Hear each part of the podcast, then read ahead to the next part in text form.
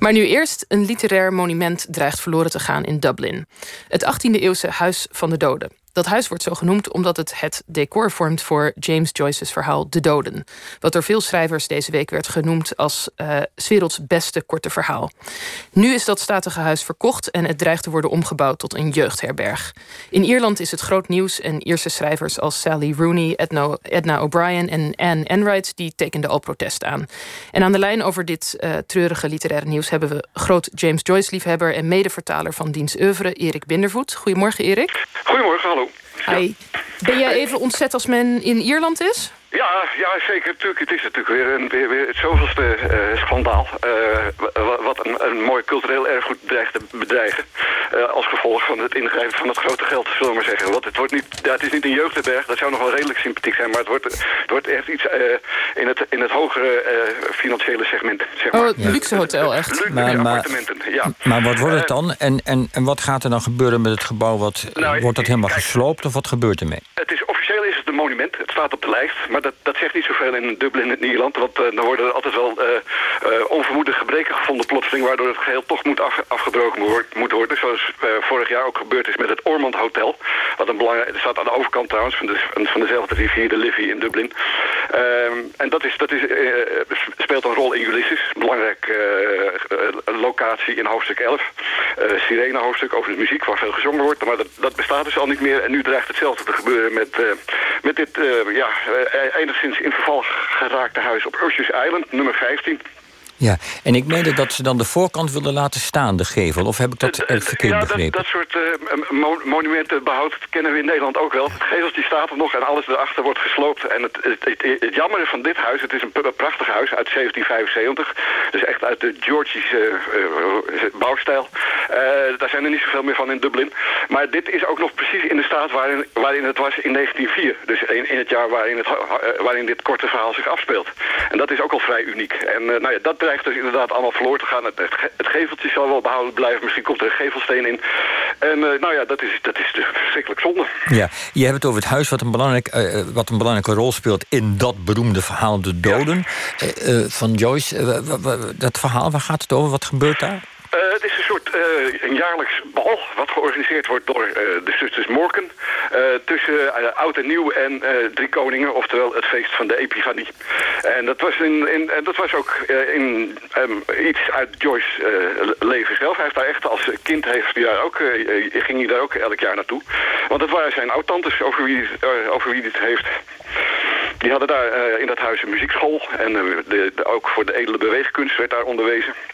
En Joyce kwam daar ook, ook als, als kind al. Dus, uh... En, en hoe, wat voor rol speelt het dan in het verhaal? Want dat, dat gaat ook over zo'n soort diner, zo'n soort uh, daar, het is het, uh, daar, wordt, daar vindt het bal plaats. En we, we, we, volgen eigenlijk vooral een, een soort alter ego van James Joyce, Gabriel Conroy. is overgekomen, komt daar met zijn vrouw om, om een toespraak te houden en onder andere de, de aan te snijden. Er wordt altijd flink gedronken en gedanst en, ehm, en, en gegeten. Ja, nu hebben we je gevraagd om een stukje uit dat verhaal op te zoeken... en een klein stukje voor te lezen waaruit blijkt hoe het huis eruit ziet. En er blijkt een vrij redelijke Nederlandse vertaling te bestaan van dat ja, verhaal. Die heb ik ook en jou ook niet onbekend, vermoed ik. um, laat even horen hoe dat klinkt. Ja, uh, nou ja, het, het, bekendste van het verhaal is natuurlijk het slot. Uh, als uh, als sneeuw neer, neerdaalt over heel Ierland. Maar het begin mag er ook wezen. En, en daar wordt het huis ook voorgesteld. Bijna als een, het is het is bijna een personage in het verhaal. Ik begin. Lily, de dochter van de conciërge, liep zich letterlijk de benen uit het lijf. Nauwelijks had ze de ene heer naar het bijkeukentje achter het kantoor op de begane grond gebracht en hem uit zijn overjas geholpen, of daar rinkelde de pieperige bel van de voordeur weer en moest zij door de kale gang hollen om de volgende gast binnen te laten. Het was lekker voor haar dat ze niet ook nog voor de dames moest zorgen. Maar juffrouw Kate en juffrouw Julia hadden daarover nagedacht... en de badkamer boven veranderd in een dameskleedkamer. Juffrouw Kate en juffrouw Julia waren daar aan het roddelen en lachen... en nerveus in de weer achter elkaar aan naar het trapgat lopen... over de leuning naar beneden turen en naar Lily beneden roepen... om te vragen wie er was gekomen. Het was altijd een groot evenement, het jaarlijkse bal van de gezusters Morken. Iedereen die hen kende ging erheen. Familieleden, oude vrienden van de familie, de leden van Julia's koor elke leerling van Kate die er oud genoeg voor was... en zelfs ook nog een paar leerlingen van Mary Jane. Het was nog nooit in duigen gevallen. Jaar na jaar was het grandioos gelopen al zolang iedereen zich kon heugen. Vanaf de tijd dat Kate en Julia na het overlijden van hun broer Pat... het huis in Stony Batter hadden verlaten... en Mary Jane, hun enige nichtje, hadden meegenomen... om met hen te gaan wonen in het donkere, sombere huis op Oceans Island... waarvan zij het bovenste deel hadden gehuurd van meneer Fulham... de korenhandelaar op de begaande grond. Nou, hier hoor je dus eigenlijk al hoe concreet het bij George sowieso altijd is. Het is altijd, uh, het is heel duidelijk waar het was. Iedereen kende die plek, iedereen kende dat huis.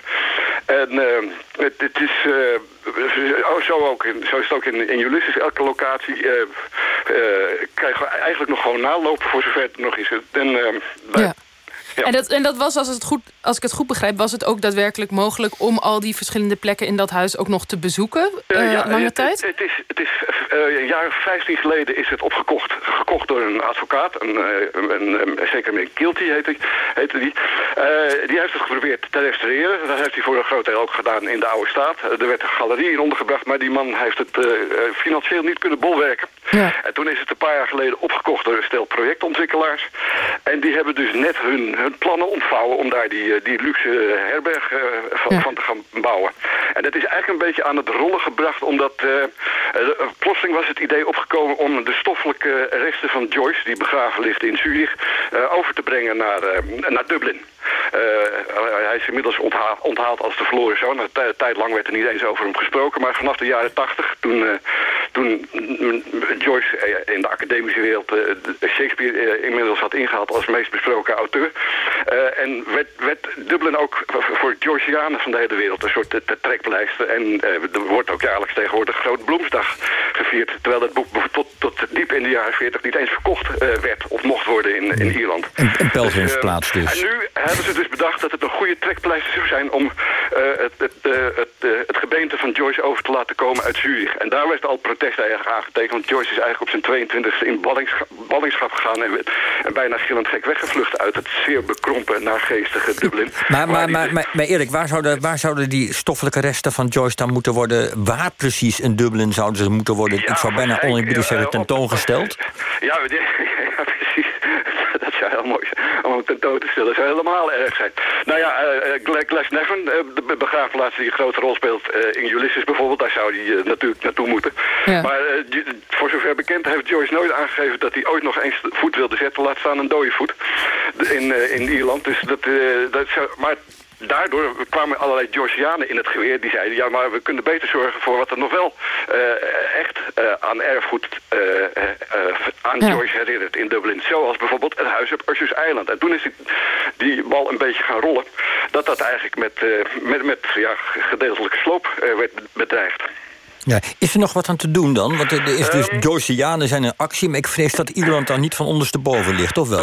niet helemaal direct, ja. Het is, nu, ja er, zijn ook, er zijn niet alleen Ierse schrijvers... maar ook schrijvers als uh, Salman Rushdie hebben die brief ondertekend. De hele uh, Georgiaanse goedgemeente is in, is in rep en roer ervoor. Dus het is...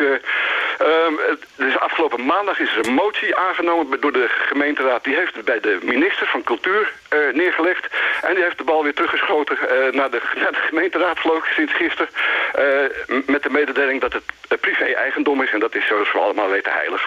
Ja, het is toch wel maf. Want ik, ik, ik, las dat dit gebouw uiteindelijk is verkocht voor 650.000 euro. Dus het is ook... Eh, je zou zeggen, het moet toch mogelijk zijn voor een aantal ondernemende mensen... Ja, dat, om dat, op te, op te kopen. Nou ja, ik, het, ik zou dat eigenlijk dat zou een, een, taak van de overheid zijn. Maar uh, goed, die, die, hebben deze culturele uh, uh, plicht voelen ze dus kennelijk niet. Ja. Okay. Helaas. Nou, Erik, ga je nog één keer kijken voor het, het, voor het weg is? Ja, naar het ja huis? Ik, ben, ik ben de laatste tijd vrij regelmatig in Ierland. En ik, je komt er altijd langs. Ik ben, als ik onderweg ga naar Galway, kom ik er altijd langs met de bus. En uh, ja, het, het, ligt, het ligt vlak bij de, bij de Guinness brouwerij. Juist. Ja. We begrijpen het, wat je daar zoekt. Ja. ja. En uh, vlakbij het Phoenix Park ligt het ook. Dus, en het is, die, die buurt is een beetje in verval, dus het kan best wel een, een goede culturele impuls gebruiken. Dus ik zou er bijvoorbeeld, als culturele bestemming, zou je er bijvoorbeeld een, een vertalershuis van kunnen maken, ik noem maar wat. Oké, nou ja, hopelijk, hopelijk dat er nog een ondernemend iemand uh, uh, luistert en ja, tot handelen overgaat. Guinness bijvoorbeeld. ja, dankjewel Erik okay. Bindervoet, vertaler van James Joyce's werk voor je toelichting.